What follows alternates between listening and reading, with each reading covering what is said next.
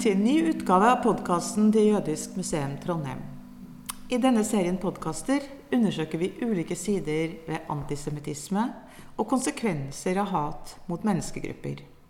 Vi ser også på hvordan identitet kan formes av strømninger i tiden, og blikket fra de andre. Mitt navn er Tine Kommissar, og denne gangen var vi så heldige at vi kunne møte gjestene våre live. I dag er temaet jødisk identitet. Identiteten vår velger vi ikke selv, den er avhengig av andre og hvordan andre ser oss. Men vi kan oppleve identitet på ulikt vis. Å ha en jødisk identitet, hvordan kan det oppleves, er dagens spørsmål. Er man norsk eller jøde, eller begge deler? Positivt eller negativt, trygt eller utsatt? Vi vil undersøke hvordan jøder fra etterkrigsgenerasjonene er preget av holocaust. Og finnes det noen fellestrekk som kan fortelle hvordan deres identitet er blitt dannet? Kan den være lik eller ulik i forhold til når man er født? For å få vite mer om det snakker vi i dag med to representanter for to ulike generasjoner. Det er Lennart Isaksen, som er født i 1946, og Hedda Savosnik, født i 1993. Senere i podkasten får vi med oss religionssosiolog Ida Marie Høeg, som er professor ved Universitetet i Agder. Lennart er født og oppvokst i Trondheim, og Hedda er vokst opp i Oslo. Og hun bor og studerer også i Trondheim. Og først vil jeg høre med Hedda om hvordan hun er preget av de jødiske røttene sine. Jeg pleier å si at jeg er en eh, agnostisk jøde. Som vil si at jeg vet ikke om jeg tror på Gud eller ikke. Eller så pleier jeg å si at jeg er en kulturell jøde.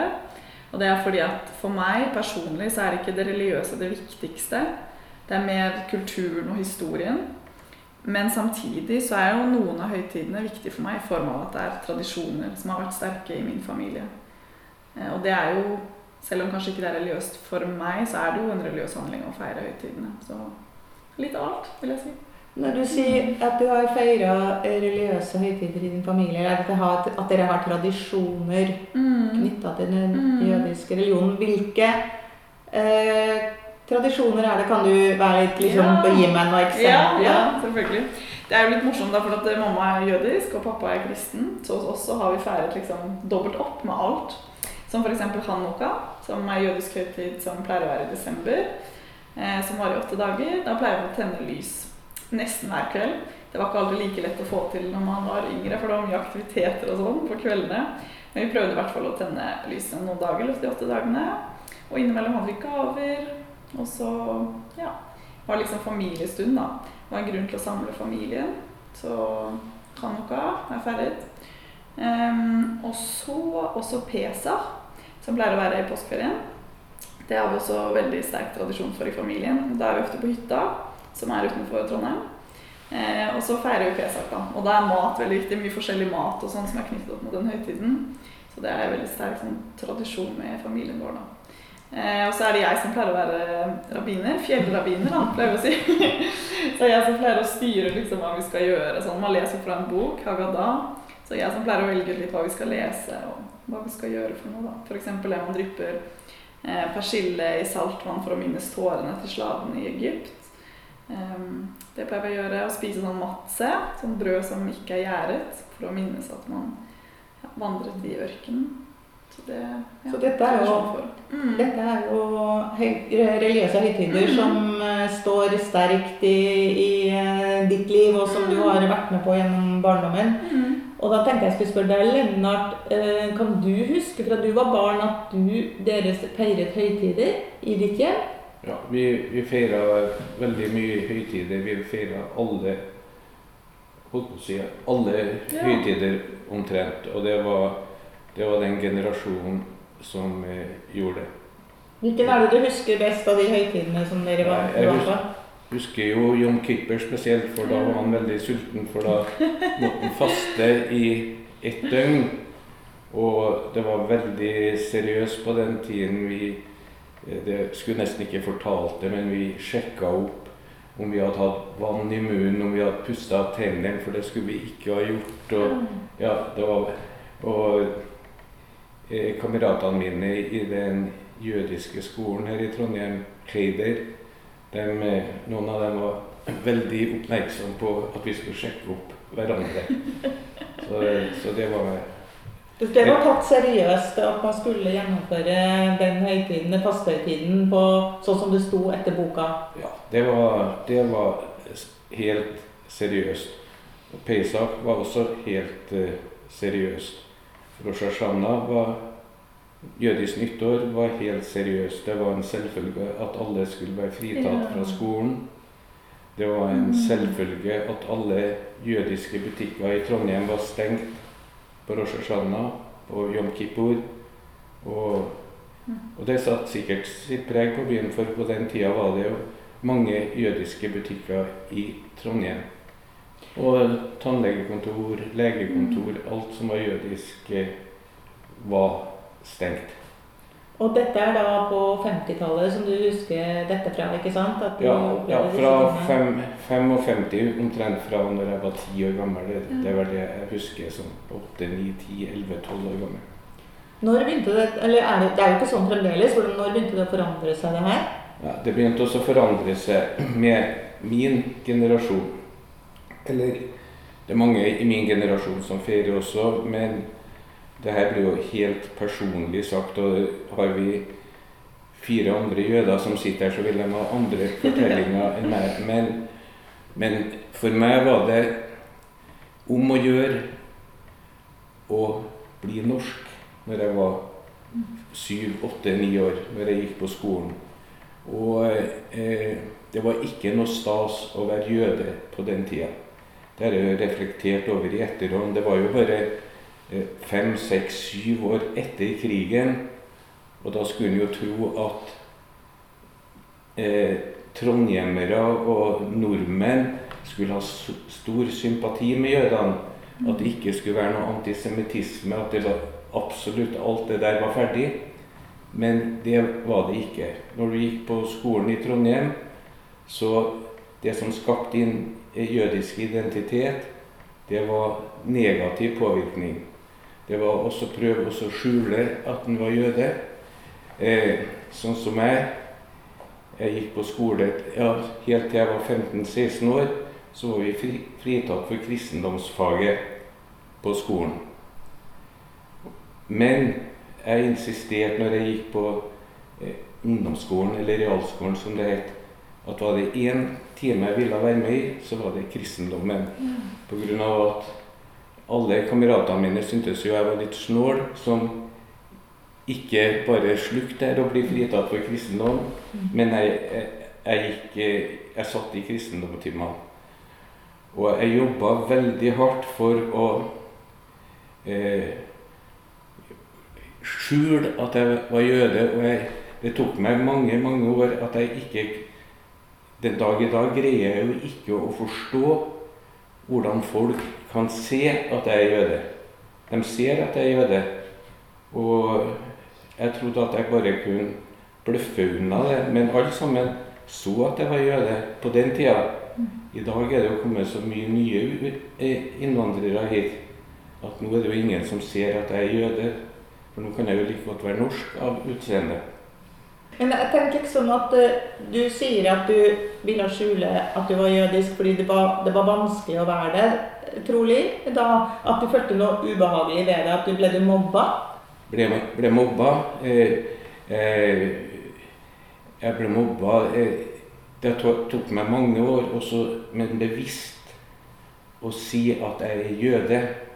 Det, og jeg bevisst sier jeg at jeg er jøde nå. Før så sa jeg til nød at jeg var jødisk, eller av jødisk herkomst. Litt distansert fra å være jøde. For jøde, det var et meget eh, negativt lada ord når jeg gikk på skolen. Det var et skikkelig skjellsord, og ofte forbundet med jødefaen eller 'dra til helvete, din forbanna jøde'. Og det var hele opp, oppveksten var det sånn. Og det er klart, jeg ser jo i etterhånd at pga. den oppveksten så blir en nesten paranoid og overfølsom på det. det folk kan kunne si i, i beste mening uten omtanke 'Så fint krøllete hår du har'. Og da tok jeg det som mobbing. Så fint svart hår du har'.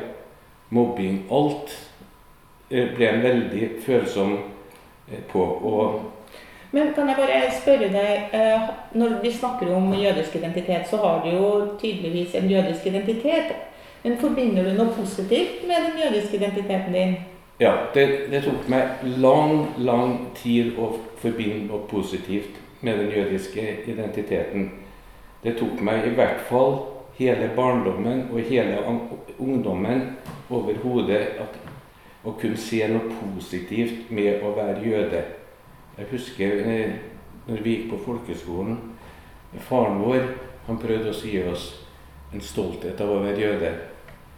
Han, eh, han fortalte oss at det var mange store jøder i verden. Einstein, Jesus til og med. Det var veldig mange. Men hva hjalp det på Bispehaugen skole for mobbinga? Og så hevde jeg at Einstein var også jøde. Det ble jo bare verre og verre. Så var en gang broren min kom hjem fra barneskolen, eller folkeskolen på den tida.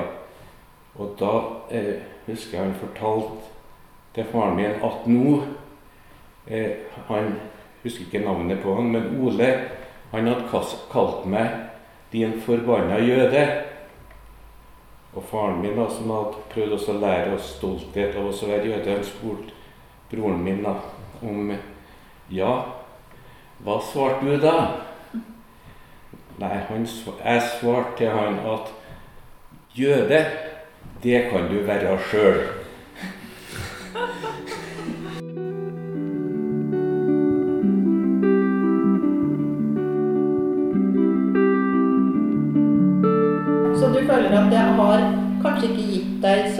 Positivt, den, at du har liksom blitt pådyttet den identiteten som du, en, en identitet du kanskje ikke vil ha?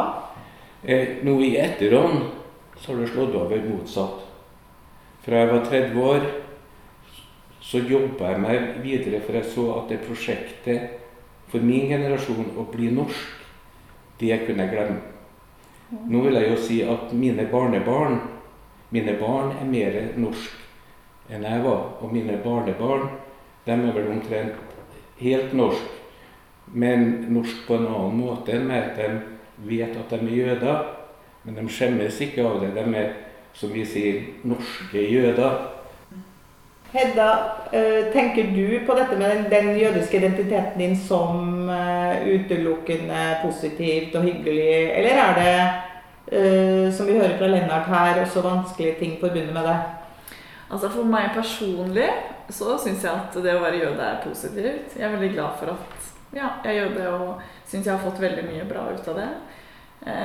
Men andre pålegger kanskje min jødiske identitet negative ting. At det er mer der problemet ligger. F.eks. sånn antisemittisme. At folk forbinder ja, negative ting med jøder.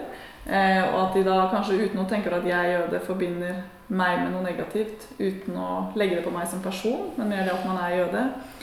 Men jeg pleier å si at jeg er en av de heldige, for jeg har ikke opplevd noe fysisk mot meg fordi at jeg er jøde.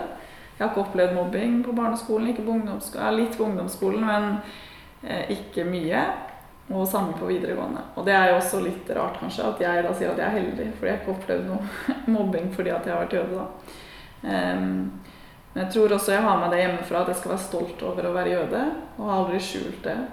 Eh, og det er ikke sånn at man sier 'hei, jeg heter Hedda, jeg er jøde'. Det er liksom ikke sånn at det står i panna, liksom. Men for at folk skal kjenne meg, så føler jeg at de må vite at jeg er jøde. da. Og jeg har veldig mye positive ja, et positivt forhold til, til det å være jøde. Men jeg har vært rundt og snakket på videregående skoler om hva det vil si å være jøde. Jeg jobbet litt på Jødisk museum i Oslo eh, når jeg bodde der. Og da opplevde jeg jo at folk har negative ideer om det å være jøde, men etter at de hadde sett en jøde, da, etter at de hadde vært der, så var det veldig mange som sa at jeg visste ikke at jøder var så vanlig, og dere er jo også bare helt normale mennesker, og det kunne vært hvem som helst, da. Så det med å bryte ned de stereotypiene, bare ved å treffe folk og si at man er jøde, har jeg opplevd som veldig hva skal man si, effektivt. Men eh, man kan jo ikke, alle kommer jo ikke til å treffe en jøde, da. Så, og det er jo et veldig stort ansvar å gå rundt og være et godt eksempel på et menneske bare fordi man er jøde. Så det er jo litt komplisert, da. Jeg tenkte jeg skulle høre litt om også Mm. det for, forholdet mellom norsk identitet og en jødisk identitet. Det syns jeg kunne vært interessant å komme litt inn på fra begge to. Men jeg tenker jeg begynner med deg, Linda, og liksom høre litt eh, hvordan du ser på det. Er det et skisma der mellom din norske tilhørighet og den jødiske tilhørigheten? Og, og hvordan du mikser de to eventuelt? Ja. Jeg sier jo at jeg er norsk jøde, fordi for meg er det to forskjellige identiteter. Det å være norsk er en nasjonalitet, og det å være jøde er ikke en del av min nasjonalitet-identitet. Så for meg er det to forskjellige deler av samme Hva skal man si? Det er liksom Begge deler er en del av identiteten min, da, men på to forskjellige måter. Så f.eks. når det kommer til 17. mai, Mm. hvordan tenk, hva tenker du om det?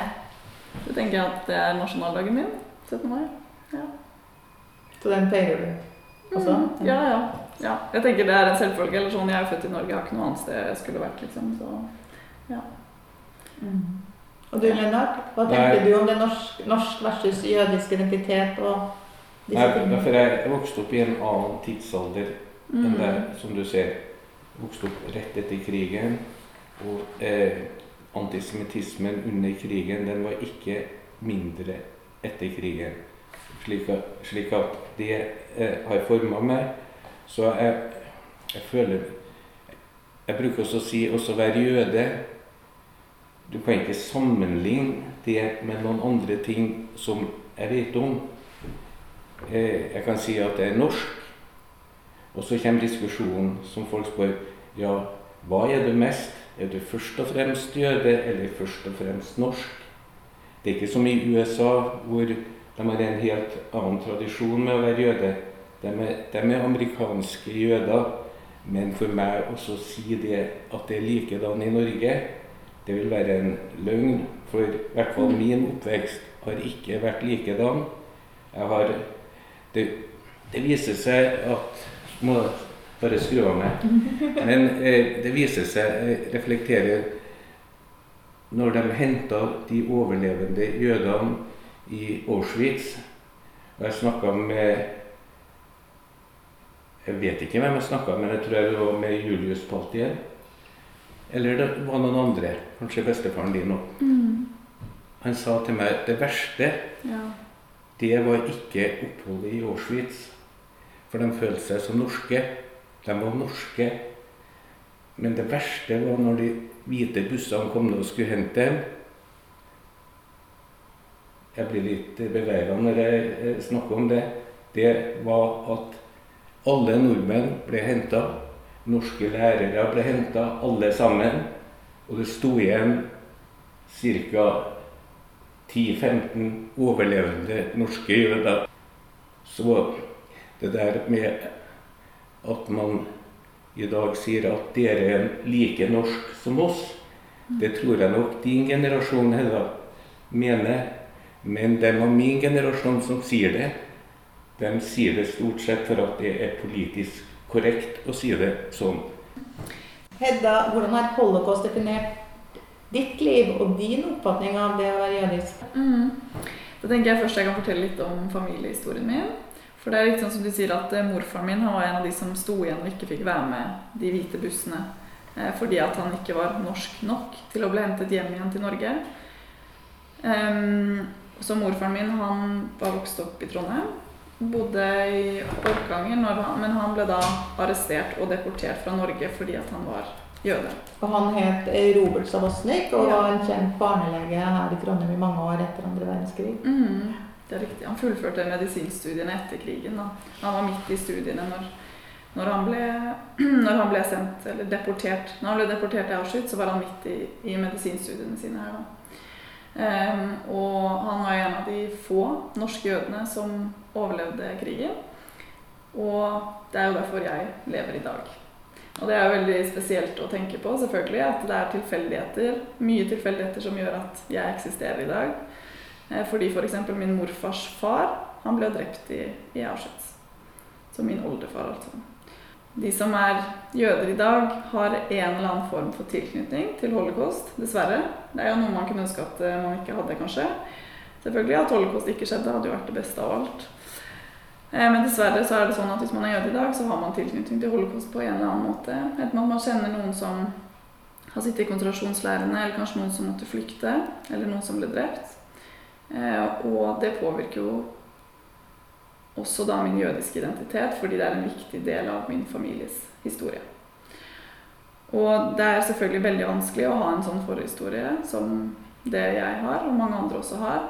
Eh, men det som det har vært mye fokus på i min familie også, er at selvfølgelig, dette var helt jævlig. Det har skjedd, det er helt forferdelig, og selvfølgelig burde det ikke ha skjedd. Men at det er viktig å fokusere på at som jøde i dag er man ikke et offer, men at man skal være stolt av det å være jøde. Derfor er jeg veldig stolt over min jødiske identitet. Og i vår familie har vi også et uttrykk, da, eller et sånt sitat, slagord, som er 'en savosnik gir aldri opp'. um, og det kan jo kanskje komme av det kanskje med morfars historie, da, at han var i konsentrasjonsleirene. Og selvfølgelig veldig mye flaks som gjorde at han overlevde.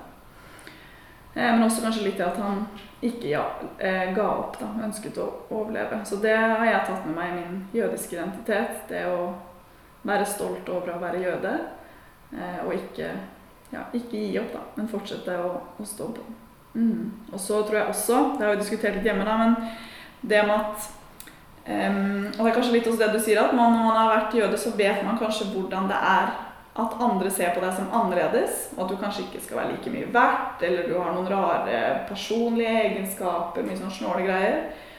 Og derfor blir kanskje enda mer var på andre grupper av mennesker som kanskje opplever lignende ting. Og at hvert fall jeg har blitt veldig opptatt av det å kjempe for at alle skal ha like rettigheter. Eh, og passe på at ja, alle har det like bra i det samfunnet som vi lager oss. da. Og det er kanskje også noe med at familiehistorien min handler om det at man vet hvordan det er å ja, bli sett på som annerledes, og hva det kan føre til. Da. Og at det derfor blir veldig viktig å passe på at jeg er med på å lage et samfunn i dag hvor alle har like mye rettigheter, og alle blir sett på som like mye verdt. Det er viktig for meg. Og jeg tror det handler litt om familiehistorien min. Mm. Eh, Lena, hva tenker du på eh, når du Altså hvis man skal gjøre noe med den overveldende erfaringen som du har som jøde, og mange i din generasjon har, fordi man har opplevd antisemittisme og som ikke ga seg, selv om man hadde vært gjennom holocaust. Eh, hvordan skal man motarbeide, syns du? Motarbeide Antisemittismen? Ja, jeg er kanskje ikke riktig person å spørre om det, for jeg er for å overdrive, jeg er så skalt og pessimistisk at jeg tror ikke antisemittismen kan utryddes.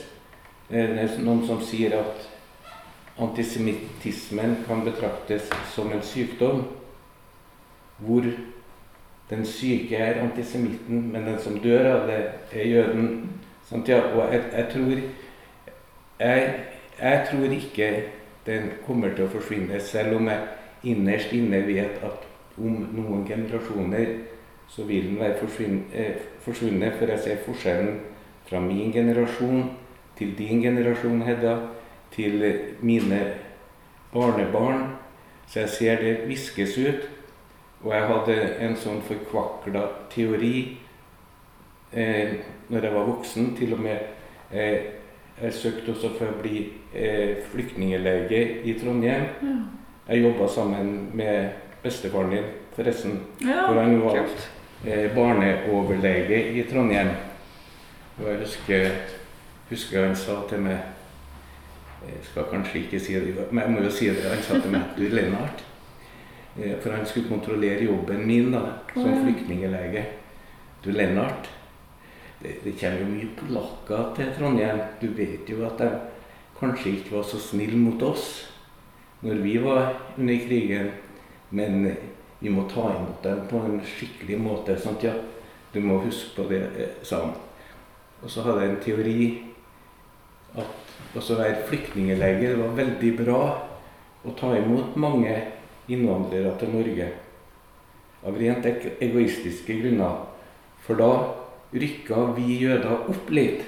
For da var det nye generasjoner som måtte ta over den stafettpinnen med hat. For da ville folk se at når det kom noen fra et fremmed land, så fant de ut at jødene var kanskje ikke så fremmedarta allikevel. Så hvis det kom veldig mye vietnamesere og pakistanere til Norge, så ville vi forsvinne på en måte. Det er noen som sier at eh, Nå bruker jeg å dra til Israel siden jeg ble pensjonist. De fem siste årene så bruker jeg å være i Israel ca. tre måneder per år.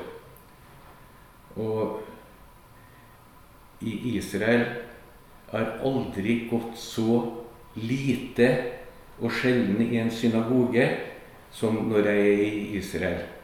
Jeg har aldri følt så lite at jeg er jøde når jeg er i Israel.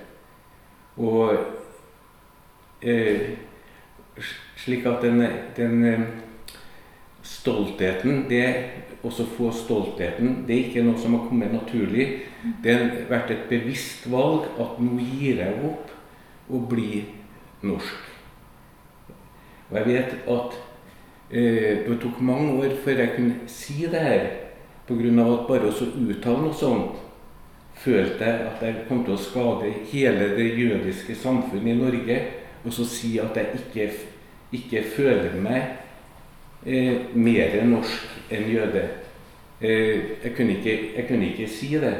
Og jeg, jeg, sa det heller ikke, for jeg trodde at det er best også å sitte stille i båten da går det bra. Og det er også de gamle jødene. Det viser seg at de var veldig veltilpassa eh, i Norge. De var veldig integrert. Og hadde ikke vært for den norske antisemittismen, så hadde de vært fullstendig absorbert i Norge. Jeg skal bare fortelle én ting. Min onkel Bernhard eh, de flykta på ski over til Sverige. Og eh, med sine små barn. da. Og kusina mi, som var syv-åtte år på den tida, hun fortalte når de kom over til Sverige Hva gjorde eh, onkelen min? Hun fortalte at han stilte seg opp og sang 'Ja, vi elsker', og tårene trilla fra øynene til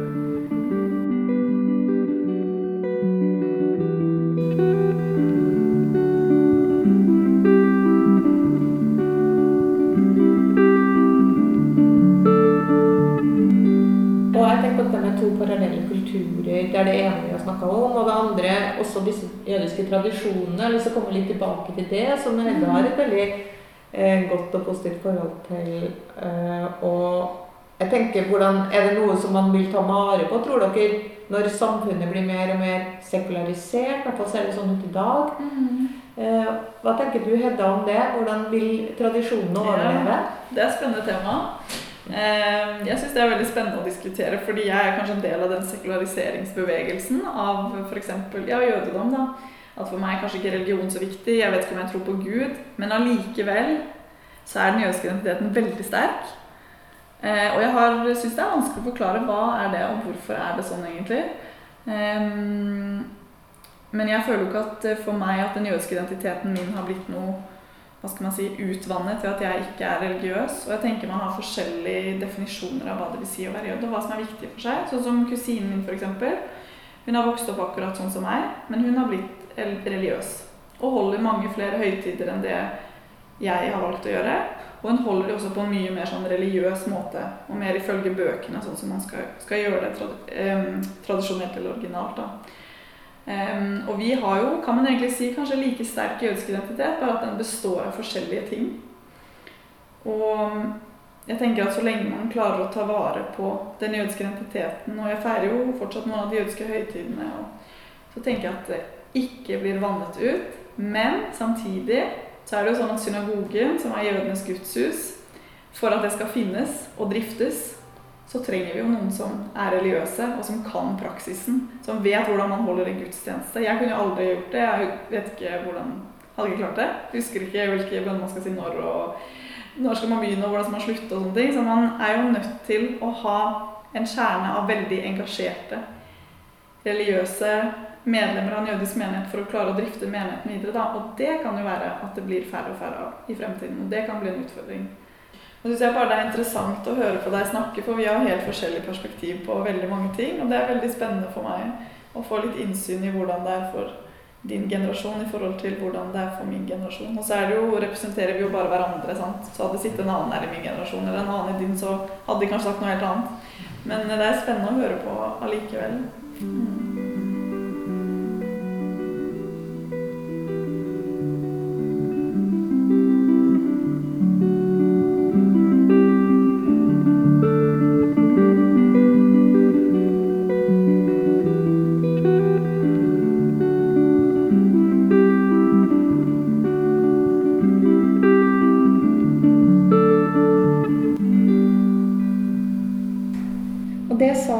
Savosnik. Og da ønsker jeg velkommen til deg, Ida Marie Høeg. Du er professor i religionssosiologi ved Universitetet i Agder. Og du har forsket på jødisk identitet. Og hva er det som betyr mest for dannelsen av denne type identitet? Jødisk identitet er mangfoldig. Det er mange forankringer i det til det jødiske. Det er mange arenaer. Eh, og sånn sett så er ikke den jødiske religiøse og etniske gruppen så annerledes andre minoriteter. Eh, jødiske, den jødiske identiteten er, ikke singulær. Eh, man kan ha en jødisk identitet, og man kan ha en identitet knyttet til en spesiell interesse eller, eller det yrket man har. Og jeg vil si at det, den jødiske identiteten den er liksom både flytende og mangfoldig og eh, sammensatt. Men når du spør om hva som betyr mest i den jødiske identiteten, så vil jeg si at når vi snakker om Norge og eh, norsk jødisk identitet, hvis vi kan bruke et sånt begrep, så har jo tradisjonen vært veldig viktig, også den religiøse tradisjonen. Og det har ikke vært noe skille mellom den religiøse tradisjonen og tradisjonen. Det har, det har vært eh, det samme. Så om man ikke har vært religiøs, ikke hatt en gudstro, eller ikke vært spesielt opptatt av for sin egen del å overholde religionen, så har det vært et krav mange norske jøder har stilt til seg selv å ha kunnskap om religionen og kjenne til religionen sin. Og å være med på det fellesskapet av jøder som praktiserer deler av religionen. Så, sånn sett så har religionen vært viktig, en viktig komponent, da, for å si det på den måten, i den jødiske norske identiteten. Selv om man ikke forstår seg selv som troende eller, religiøs. Både Lennart og Hedda som vi har hørt her, da, de har vokst opp med samme type tradisjoner. Men de har vært implementert på, i familien på litt ulikt vis. Hedda har fått ta del i og være med på å forme sine egne tradisjoner. Hun kaller seg selv rabbiner når hun feirer Pesach. Mens Lennart han har vært preget av at de skulle praktiseres veldig strengt. Um, og har ikke fått lov til, og heller ikke uh, formet sitt religiøse uttrykk på egen hånd. Virker det som, da. Det skulle praktiseres strengt, eller som det var gjort før. Mm. Uh, uh, har du noe liksom å tilføye om det? Hva, hva er grunnen til at noen gjør det sånn, noen gjør det sånn? Først og fremst så er jo dette beretninger fra to forskjellige generasjoner. Eh, og Lennart Isaksen han representerer jo etterkrigsgenerasjonen, de som er født rett etter krigen. Eh, og hadde foreldre og besteforeldre som eh, praktiserte religionen strengt. Og det var viktig for dem, selv om de også var en del av en kultur hvor religionen på 30-tallet, mellomkrigsårene, var problematisert. Det var jo ikke alle som var så religiøse. Det var jo en del som giftet seg utenfor sin religion også. Men allikevel så var det veldig mange norske jødiske familier som var opptatt av å ivareta religionen. Og opptatt av å ivareta den strengt. Og det var liksom ikke et spørsmål om hva tror jeg på, og hvordan vil jeg forme det, og hva er riktig for meg. Mens eh, Hedda Salsnik hun representerer jo den yngre generasjonen og også vært med på en sekularisering som har preget hele Norge, men også eh, kristen kultur og, og jødisk kultur. Eh, og eh, da står jo også individet mye sterkere. Og det er liksom opp til hver enkelt hvilket forhold en vil ha til religionen. Hvordan en forstår religionen, og hvordan man på en måte gjør den til sitt eget. Og det er jo det hun så fint beskriver når hun leder eh, sedermåltidene eh, i Pesach-feiringen. Men, eh, og da har du på en måte to ulike eh, praksiser eh, vi har vært vitne til her nå. Og eh, hva betyr det, tror du, for andre da, når man tilhører en minoritet? Hva betyr det for andres blikk på en? Hvordan ser samfunnet rundt på deg Mm. ut fra den type tradisjon du følger, eller hvordan du sjøl uttrykker din jødiskhet, da, hvis man kan kalle det det? Eh, Jeg har jo intervjuet eh, eh, over 20 jøder her i Trondheim og hatt en livshistorie, intervju, innfallsvinkel. Eh, Og eh, de, som jeg også har sagt tidligere, de opplever jo at det er en forventning til seg selv om å ha kjennskap til religionen. Men de opplever jo også fra omgivelsene eh, at er du jøde, ja da skal du kjenne til jødisk religion, du skal kjenne til jødisk historie, du skal ha kunnskap om jødisk litteratur, musikk osv. Liksom hele den intellektuelle tradisjonen skal liksom ligge under huden. Og det er jo ikke alle norske jøder som har all den kunnskapen. Eh, og en del av de jeg intervjuet, fortalte jo også hvor vanskelig det kunne være på skolen. Hvor man stadig skal være representanten for en religion, for en minoritet, for en kultur. Og, og, og, og, og eh, være, eh, kunne presentere det på en, en god måte. Så i den jødiske identiteten så er jo dette med hvordan andre ser på en, hvordan andre forventer at en skal oppføre seg og være, det er med på å forme hvordan man forstår seg selv som jøde. Det kan jo være da disse forventningene som kommer utenifra øh, om, om av hva det vil si å være jøde, og kanskje også noen karikerte forestillinger om det. Så det, jødisk identitet det er et sosialt fenomen.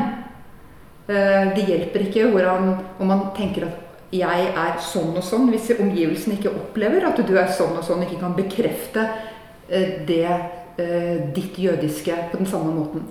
Nå er det jo sånn i Norge at det er ganske få jøder, og det er i noen andre land ganske mange flere.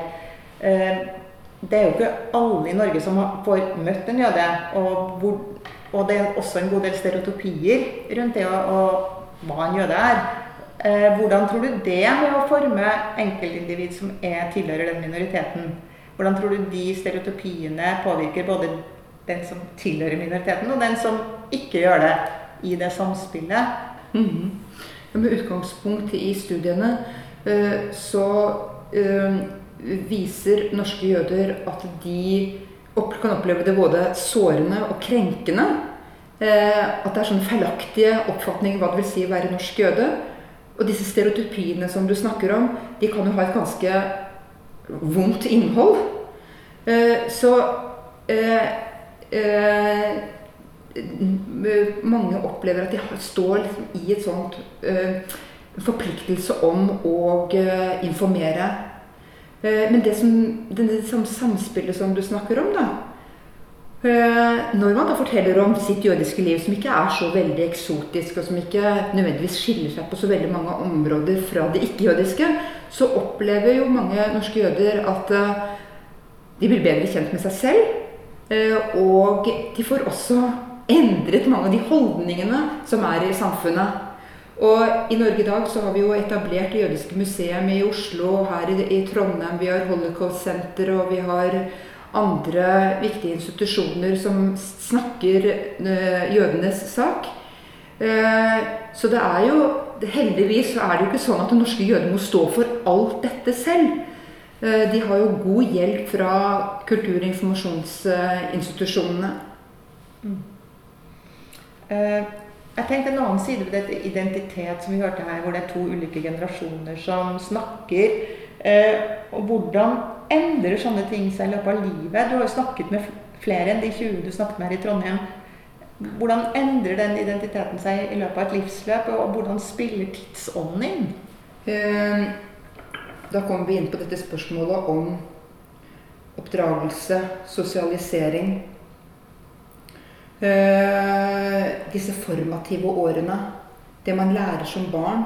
Bønner og, og, og eh, sanger og det å være eh, fortrolig med den jødiske høytidene, sabbaten eh, Hvis man får denne barnelærdommen, så vil jo selvfølgelig den også bli problematisert i ungdomsårene. Det er jo ikke, noe, det er jo ikke en sånn direkte overføring mellom den man blir som, er som barn, og den man blir som ungdom. Da vil jo dette for man får et mer aktivt forhold til, et mer spørrende forhold til det. Men har man det, det grunnlaget, da, eh, med kunnskap og også handlinger, det jødiske året, den jødiske uken, eh, så eh, har det betydning, selv om man da velger religionen bort. Og jøder har jo da en over 100 år lang tradisjon for å velge religion, eller velge religion bort. Så så, sånn sett så er jo det noe som ligger i den jødiske tradisjonen, vil jeg si, å ha et aktivt forhold til, til religionen. Men ikke bare knyttet til det religiøse, men også hvis man har, er oppvokst i en familie, eller med mor eller far eller besteforeldre som har hatt et sterkt jødisk engasjement, da om det har vært på videre enn religion, eller kanskje ikke religion i det hele tatt, men innenfor uh, kultur, vært opptatt av jødisk historie f.eks., eller jødisk filosofi, uh, så er jo det noe man bringer med seg. Og det man har lært som barn, er jo også lettere å overføre i eget hjem og til egne barn. Eh, og om man ikke gjør det på samme måte, så har man jo på et, et sett vis et større repertoar enn de som da må lære ting og sette seg inn i ting i voksen alder. Så de som har hatt da en, eh, en sterk jødisk sosialisering i barneårene eh, alle disse undersøkelsene som ser på barndom og oppvekst og hva jødisk identitet betyr i voksenliv, eh, viser veldig tydelig at det har en stor betydning for hvem man blir som jøde. Eller hvordan man forstår seg selv som jøde, og hvor sterk den jødiske identiteten er i, i voksent liv. Eh, nå forteller jo Lennart hvordan han eh, gikk gjennom ulike faser eh, av det å være jøde, hvordan han skulle turnere sin jødiskhet. Eh, og eh, Hedda kom litt inn på, på eh, at hun er oppvokst i to kulturer, både en kristen og en jødisk kultur, i og med at hun har kristen far og jødisk mor. Eh, og jeg syns kanskje at julefeiringen julefeiring er et veldig godt eksempel på hvordan dette har forandret seg. Eh, da jeg for mange år siden på midten av 90-tallet gjorde min master- eller hovedfagsoppgave som det het den gangen, og forsket på jødisk identitet, så var det veldig få som hadde juletre. Og de som hadde juletre, syntes ikke noe om det, men hadde en ikke-jødisk partner, og de måtte akseptere det. Og det sto der og, og, og ble vanstelt og, og kom fort ut. Eh, I dag så er det jo ganske vanlig, vil jeg si, eh, å ha, ha en del jøde, jul, eh, julehandlinger og julegjenstander i sitt hus. Men fortsatt så ser jeg jo det at julen er en veldig viktig markør. Da, og hvordan du behandler dette juletreet, er på en måte en sånn symbol på, på din, din, jødiskhet. Så flere av mine informanter hadde jo juletre. Men en fortalte at eh, mot sin vilje hadde hun fått juletreet inn. Men noen julestjerne det skulle det overhodet ikke komme på det juletreet. Og det skulle heller ikke være noen elektrisk julestjerne i vinduet, og heller ikke en elektrisk sånn julestake. For det ville være å gå for langt, liksom? Det var å gå altfor langt. Så stadig så var det protester fra barn og ektefeller på dette, men der gikk grensen for henne. Mens en annen informant fortalte at hun hadde begynt med juletre og syntes faktisk at det var veldig hyggelig. Men noen engler på treet, det var helt utelukket. Og hun var heller ikke interessert i å ha dette treet stående særlig lenge i huset. For det var jo veldig pussig med dette granparet, og at det visnet. Og, og, hva hadde egentlig dette med, med, med, meg å gjøre? Så dette har forandret seg, men veldig interessant å se hvordan det her brukes. liksom sånn Markørene skifter, men fortsatt så, så er det et sånt vitalt symbol på, på, eh, på, forskjellen på det jødiske og det kristne, og hvor denne grensen skal gå.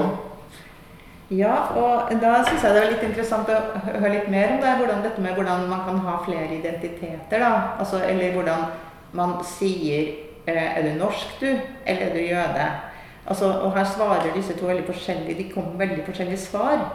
Eh, hvor Hedda sier at hun er norsk, men hun er en norsk jøde.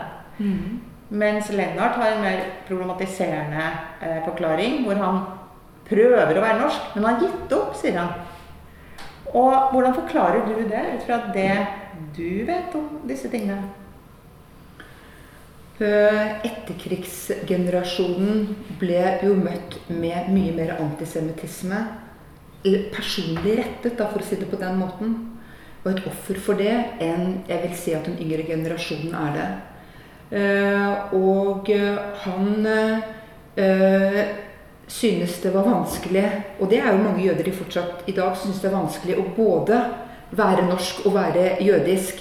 Så han greide ikke å kombinere denne, eh, dette i sin identitet, og da forlot en periode det jødiske for å bli norsk, og, og da han skjønte at han ikke greide å bli norsk, så har han blitt eh, jøde. Eh, og jeg syns at hans historie er veldig betegnende eh, for hans generasjon. Eh, nå skal det jo sies at det er flere i hans generasjon som har turnert det på en annen måte enn det han har gjort det, men disse såre opplevelsene hvor han må ikke bli akseptert Det er litt uh, På en måte så kan du si at det er litt Det er uh, interessant, eller det er problematisk at det skal være så vanskelig når man tenker på hvor mye norske jøder har investert i norsk kultur. Her på Det jødiske museet så har jo dere et bilde av en søskenflokk fra begynnelsen av 1900-tallet, hvor de er da kledd i vanlige festklær for barn, altså noe trosdress, og står med hvert sitt norske flagg. Eh, andre bilder fra jødisk liv i Trondheim viser skisport. Eh, så norske jøder tok jo til seg norsk kultur. Norske symboler, norske historier, eh, eh, norske fortellinger og fritidsinteresser. Og gjorde det til sitt eget. Allikevel så ble de møtt med at de hadde ikke integrert seg nok. De var ikke norske nok. Eh, Og det sier jo noe om hvor krevende eller hvor eksklusiv norsk kultur har vært i forhold til minoritetene. Så selv om han har gitt mye og tatt til seg kulturen og opplevd at det er blitt en del av sitt eget, så har man ikke fått den innpassen i fellesskapet eh, og kollektivet, sånn som man trodde at man hadde fått. Tror du at det å være norsk jøde er annerledes enn å være f.eks. Eh, svensk jøde, hvor det er 20 000 jøder f.eks. i Sverige? Eller å være eh, amerikansk jøde? Fransk jøde? Det norske jødiske eh, miljøet har jo vært lite og sårbart. Og er jo det spesielt her i Trondheim. Uh, uh, og uh, det som kjennetegner også det jødiske miljøet, er jo at man har blitt veldig godt integrert. Mange vil også si at man er assimilert. Og har et veldig aktivt forhold til det norske. Da. Og 17. mai-feiringen står jo veldig sånn sterkt i jødisk norsk kultur. Og den er jo ikke bare jøder som er født i Norge en del av, men det ser vi jo også at migrantene også er med Å legge ned krans og være med på, øh, på, på nasjonaldagen, liksom både som, som øh, jøde og, og øh, som polakk eller russer eller hva det skal være. Uh, nei, jeg tror at det som kjennetegner uh, norsk jødisk miljø, til forskjell fra det svenske, og eh, også til forskjell fra det danske, at det er kanskje enda mer norsk og enda mer svensk, da. Selv om det står også sterkt i de andre nordiske, ikke bare de skandinaviske, men andre nordiske landene. Og så er det det med holocaust som har satt dype og varige spor. Og som ser annerledes ut i den svenske jødiske identiteten og den danske jødiske identiteten eh, eh, enn den norske. Hvis vi skal se fremover, Ida Marie Høeg, så er det veldig mye snakk om mangfold, toleranse, et mer åpnere samfunn. Eh, hvor det er mange forskjellige minoriteter og identiteter som spiller inn i vårt samfunn her i Norge også. Eh, Hvor tror du liksom jødene plasserer seg i dette bildet? Eh, Lennart snakket jo litt om det i sitt intervju. Han hadde jo en veldig eh, Hva skal jeg si for noe? Brutal framstilling av hvordan eh, migrasjonshistorien i Norge har påvirket jødene. At det er andre som nå må kjempe den kampen, altså de nye migrantene, som det jødene måtte. At de i det større globale eller større flerkulturelle Norge har fått en høyere posisjon enn de tidligere hadde. Og dette kjenner vi jo også til fra jødisk eh, migrasjonshistorie i USA.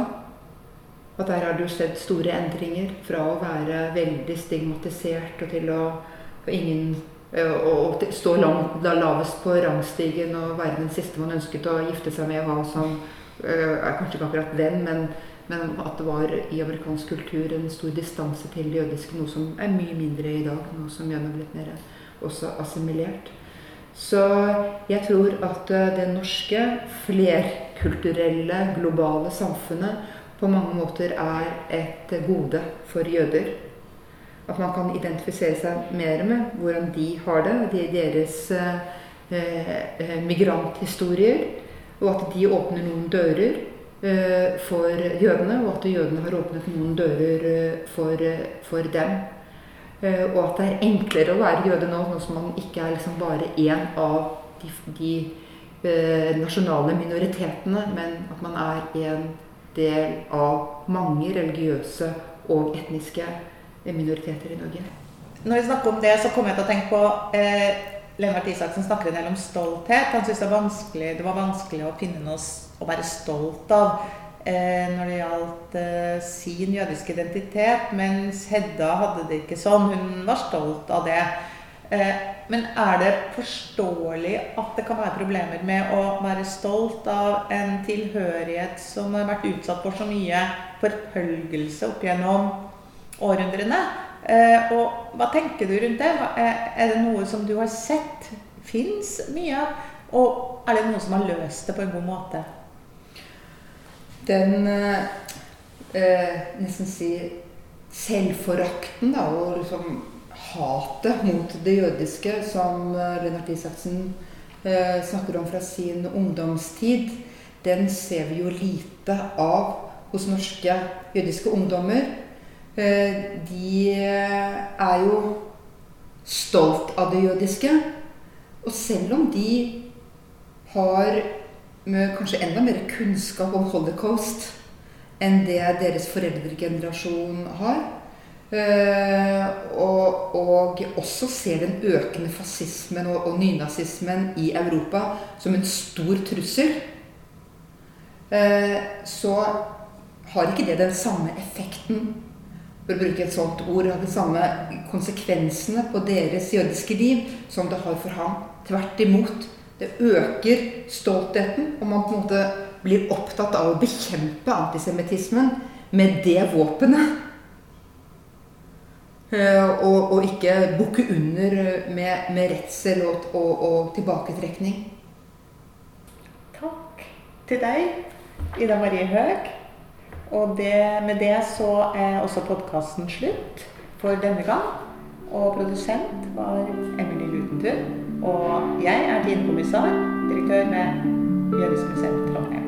Takk for oss.